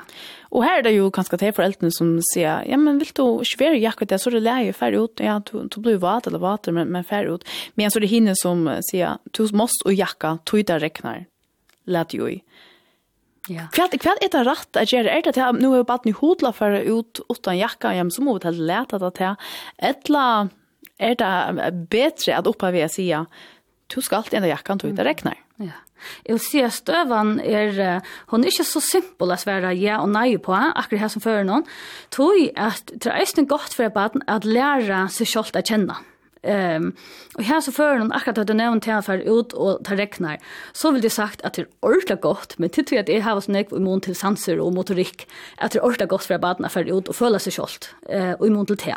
Men Visst nu at badene skal, eh där står nu ska til ord eller att er allt annat på kvært, det handlar om og i kvarjar støv, va. Ehm Jeg vil si at hvis et tvær gammelt baden kommer og det skal la stån, og det över in i i, i, i skapen og funne en prinsessekjola, og det er i prinsesseskekvar, og sier, jeg skal baden vis ned. Så kan man si, ja, det er sikkert funnet en løtna, men baden må få et eget sett av klærne vi eisene. Altså baden har ikke forstand på at, ok, nei, det er ikke høyskant, ja. Så kan man velge å ta kampen opp, ta, eller man tek du badnagaren och säga okej okay, nu får du kläderna du behöver hetta sätt jag kläderna. Jag rockar med näck för äldre som känner till akkurat hesa stövnar ta man ska skunta sig om morgonen att skulle ut av husen och till arbets i skola badnagar som vis att så är det badnet som är ska välja kläderna som är ska då i ett badnagarsbadla och säga det. Ja. Ehm, um, är det en kamp man ska ta sig nej, to först inte och i jeg vet ikke, den lilla kjolan der, du kan ikke ha bare bein ut det. Skal man teka den kampen, vera opopulær som foreldre enn å løte, eller er det akkurat her man skal se hva skal, ok, så først du, du, du er kaldere vater, men først det. Akkurat her du nevner å være opopulær. Vi skulle ikke være viner ved akkurat bøtten. Altså, vi skulle som foreldre, til vi som, som vite hva det er best for bøttene. Så det at å, å være autoritær. Vi skal ikke være bensjen for å ta kampen opp. Um, øyelig ofte fettler vi ut til at vi færre ut diskusjonene ved badene. Jeg sier, ok, ja, men så skal du hette her. Men ta alle badene langt vunnet. Um, så hvis vi skulle, um, hvis vi nå har sagt i badene ikke, vi skulle ha sted, kom og lette jo i. Og så for badene, ja, men altså, så skal jeg hette her, og så skal jeg hette her. Så må vi bli vi av være her nere, og ikke færre vi badene, og sier, jeg har sagt, så skal du i hattar. Alltså vi skal slett ikke gjøre möjliga mulig for å upp opp og Ehm um, tror att barnet har inte alltså hela kapacitet helt till att vita att vet Det tror vi är skynda mittlen, vad det gott för mig, vad det inte gott för mig. Men så är det ästna att man byter med sig. Det är rättliga imes ta och i en sån støv at teke seg upp. Det er som foreldre som gör så rettelig gå att tog til å förklara hva det sier så som det gör. Alltså till dömes Jeg sier at du skal lete til jakka nå, tog at annars så ver du kalter, og det, det, det. Så det er andre som sier, du skal alltid jakka tog i sida. Mm -hmm. Hvordan tog i orske skal man bruke på å forklare eh, at liksom er grunnkjøva fire tog som man sier for, för badene? Ja, men badene hever, altså jeg vil si at, at uh, man må teka støvene, teka støv til det arma fer her. Altså vi som foreldre skal vi si, til nu vi skulle sted, Og så er det her nu. Altså, at baden græter, jeg vil sige, altså, åsemje græter skrutsk til en parster av baden oppbelling. Til en parster av tøy at, at var lydelbøtten, og, og og ta badne er her her ta trossar og fyrir upp motor tan gråtren er simpelthen tog at tit hat doa altså det er tarra kjensler som styrer dem man får fra Och det är inte det är hans här med gråtren som hvis vi lägger i en sång og vi får prata ut det ska själv finna det av at jeg sova. Det kvar så en gråter och det kvar så stöva. Ehm um, så så i här som för någon här det handlar om att komma sted, Vi skulle ut ja men så är det att ta konflikterna ta. i konflikterna vill jag bara bli större och större och större. Och badene vill alltid søke grensene. Ehm um, och det vill ikke att det vil upp till til flytta ur æren. Men er det så at bøten lærer kanskje å mennes best til å ta ut det de suttje her er og noe mørk, og det er snur ikke bare om det som er vi ho til, det er noen ting som er nøyest å gjøre, så om det ikke er det som er tøyme best. Jo, men det gjør vi jo trygghet. Tøy hvis at bøtten eh, ikke føler at, at her er et marsk, ja, men så vil det at tunnar fære og, og finne etter, og det blir evast i seg selv. Um, så, så hvis, hvis um, Hvis man alla tøyner sier vi badne, ok, jeg vil du hettar eller vil hattar? Og i månedla en jakka. Ja, men ok, så er det badne alle tøyner skal teka ergjørna. Så fer det til handels, og, og hittar ned i kveld, det skjer, ok, skulle vi dette kjøtt eller skulle vi dette fisk? Til slett ikke badne som eier til arbeidene. Um, jeg sier ikke at man onker tøy, bøtner er imisk. Som vi har en så klara mening beina vi til tvær og gommel til vita fullvel hva føles deilt over ui og, og hva vil det hava. Men så kan du som forelder kvöld til fire har lagt tvei sett av klæven som du varst. Ok, hese klæene veit jeg at dette er godt for badne. Så slipper badne velja middelen hese bæg. Tror jeg så er det, altså, Jeg vil si at alt annet på alderen av badnene, og hvordan menninger står i er av badnene, og hver man er. Mm -hmm. Jeg ble vi at henge fast i øynene som du sier først, at vi bønte samfunnet har alle åtte sine oppgave som parter av familiene. Hvordan er det i det, altså, kan man gjøre bøttene oppgaver hjemme? Til at jeg har lyst i også om å tilknytte og parter av familiene, og at det bidrar, og ta gjøre eisene nek og så er. Hvordan er vi i 100 prosent. Uh, og her er det etter at hitje etter tog menningarstøyene som badnir også. Tog jeg hvis vi tar inn av stånene, så trykker vi alle stånene gjør til at det badene sitter i etter, men så får det selv vi har stedet sin medpakka, det får selv vi iver vi koppen og selv vi iver vi talesjonene. Um, så det er hitt etter hvert mekna badne akkurat til menningarstøyene det er, og trykk mer til å være stolt. Alltså til at de får uppgifter sværende till tarra menningarstøye, ger til att de knappt har et virre i familjen, ja. Um, och ta växer vi tog i virren. Ehm um, och och ta bøtene blir sindre äldre, ja men så är det att jeg gjør en inköpslista och færre til handels och barnen ska själv finna mätvärden som ska i kurvene, så för ett hem och så ger vi ett mäten og barnen kan sitta stolt till bors och säga jag har gjort övrande det. Och ta kan det vara ett et fem år gammelt barn som hur vi görs det. ja. Jeg så gjør jeg hva sms-skipene her, en lortar som sier kvært om badene simpelthen bare noktar at lorsta. Jeg har en av seks år gamle jente, og hun legger ikke i hva jeg sier. Hun ignorerer meg purasta. Ja. Hvordan skal han ta en støvan? Uh, jeg vil si, og igjen, så har føre, så um, kan man alltid vise, nå nevnte Johanne, at jeg vet er alltid klokere, altså vi er større, sterkere, klokere, vinnerligere, ja at eh, hvis jeg baden ignorerer ödel bøtten vilja okkon, men så er at det, altså, er seks år gammalt baden for eisen i enn støve, her tei mennast og blod av på en helt annan, særlig enn hot. Um, men, men vi må bare ikke fer iver og bare uh, avvisa baden. Så må vi vise baden at vi deler taks, at vi skulle stadigvæk være nirri og enere støve her videre rolig. Uh, hvis baden, uh, Anten, i som førne var det nok da, men hvis de førne her som badene fyrer opp og gyr, ja, men så er viktig at vi ikke fyrer vi badene, men at vi fyrer alt dere her nere. Og en lengre forklaring er ikke, altså hun kan ikke brukes, og så slett ikke til badene er en støver her, det bare lukker det av. Ja, det er hendt mamma sier til at hun vil bare pura å ignorere av badene. Ja, altså jeg husker at vi skal og vi skal og vi skal og en av for vi ska vi skal tog at tog at ta ta vil henta okkurst. Ehm og og vera til taks og ikkje berre Alltså bötten heter vi affär inne i kammaren så där att att vi ska inte vi vita att bötten har inte törva över ensamhet och jonkron som det ströt vi. Så vi kunde eisen i för bötten och se vad det är vi söker. Ah, det är ett eller annat här och kanske så du till avvisa mig till ett eller annat. Och det är helt okej. Men i er gör till det vet gott att vara ensamhet eller Ehm så så så to alltså voice button någon viring för det att faktiskt ger. Ehm men du frisch in och och kräver näka knappt lite button. Jag vet inte om det är svär nog. Jo, jag har alltid haft det här, att det är i läge. Nu vet vi också om ett att det här som bött själv vi har hot till och, och det här som det kanske har för nejerna. Um, Vi kunne tenke at et døme i atter, det er jo til dømes der i samband med opphelding, så vil man jo eisen lære hvordan bøtt er jeg liksom bare si, at et nå tar vi færre ut, vi færre føringer det er lukkurs. Mm -hmm. um, her er det sånn bøtt som uh, tar med damer ikke skal ta i hånden av at til er en føringerdagsbadene, og sier er til lukke.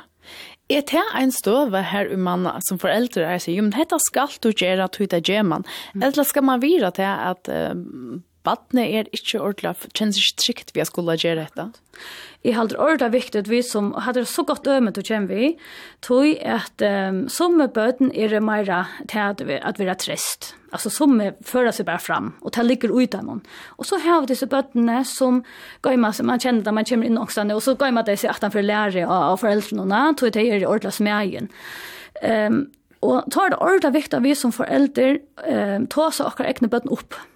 Tog det at bøtene er smæge og ikke vil ta i hånd så skulle vi bara i för barnen hon se harst vars kvært, eh lilla Ida hon hon har lika törv och at kjenne seg trygg i rummen så hon ska lika hitta det namn. Ehm um, så har vi i för barnen vurst att han känslan som battene føler är okej. Vi får inte ut och sier, kom nu, alltså kom nu, altså, ett battene, ja. Så så battene seg skreft. Hvis nå badene så at han har løte for seg trygt, ja, men så, så, så kan det selv fære, og kanskje neste fære. Um, vi kunne eisen teka det løtla badene, som vi ber i føvningen um, så vil et baden alltid spekla, at han vil hitje opp av foreldrene. Um, man kjenner det fra at jeg bøttene helt pikket litt til, og så sitter en fremmede og snakker ditt, ditt, ditt, ditt. Og, og badene hikker på det fremmede, og søker lukka kontakten opp til mammene eller pappene. Hvis de så smuler, å ja, Ho, ja men så kommer en reaktion. Det är okej. Ja, Ja, barnen finner det av att okej, okay, jag kan faktiskt gott smula.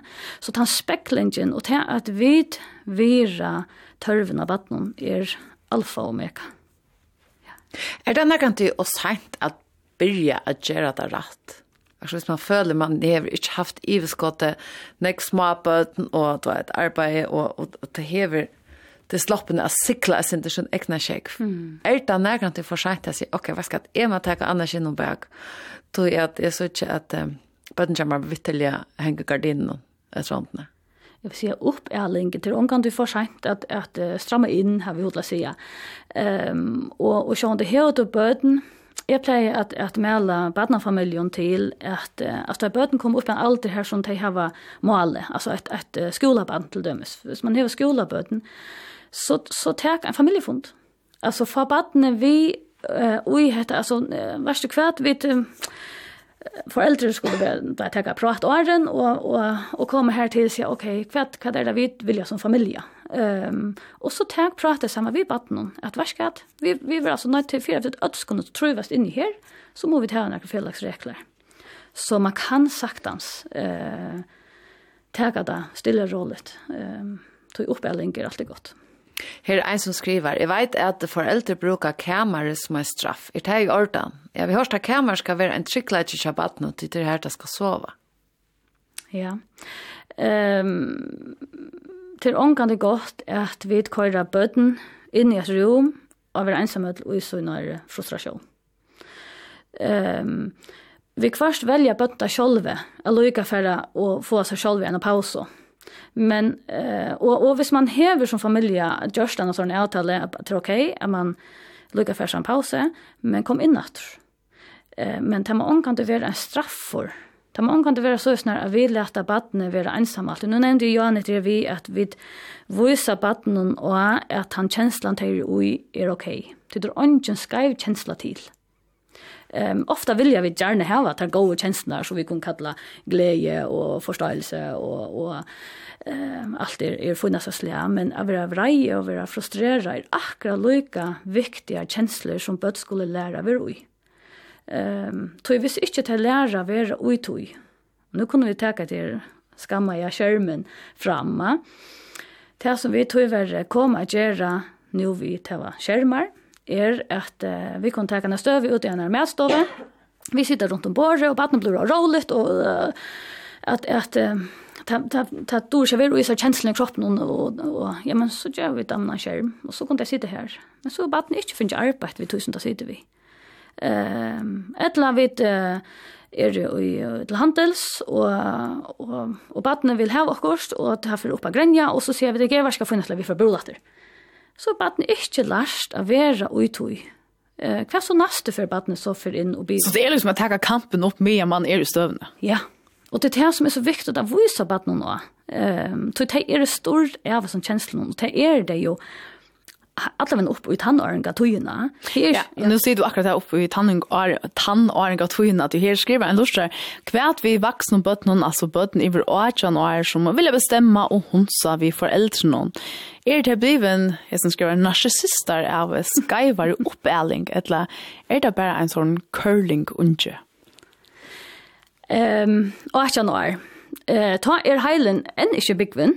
Um, Tan tan nu nämnde jag det vi vi Highland och jag kom in på Sujors Heilanda. Hvis man hickar efter Heilandon hur ser han är uppbyggt så ser man att det är action tror öke. Inte inte separat öke men det är action ehm några områden som är bunden ser man är hos ner signal ehm banan alltså och Heiland nervar. Eh men ta sista öke som vi ment. Helt uppe i 25 år.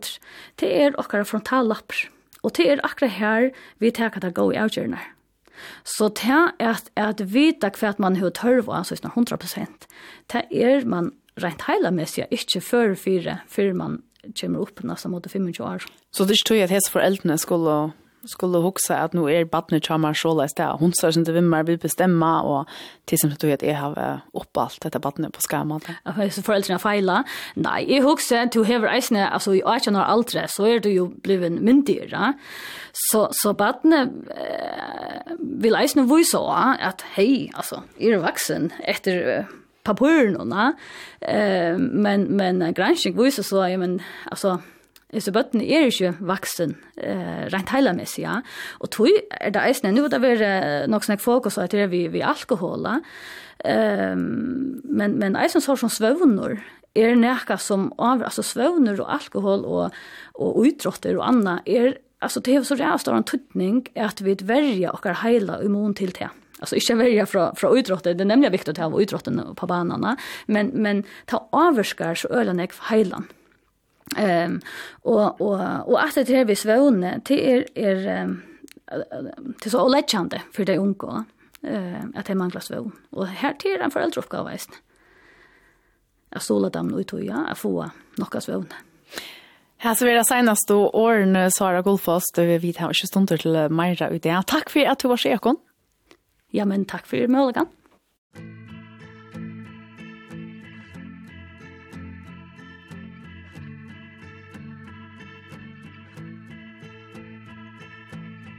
turned on the radio and there it was. A song that sounded like something I wrote. The voice and melody were hauntingly So familiar that I thought it was a joke. Is it beyond intelligence? As if the soul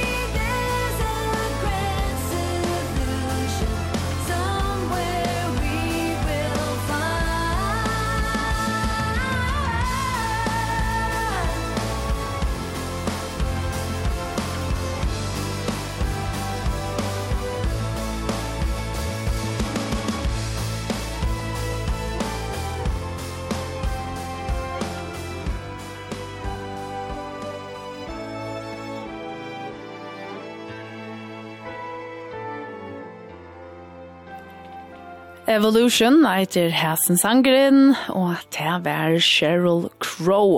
Klokkan er om av 12 minutter iver Holgon Tutsjo Ellen. Tog en gang kjørt, da?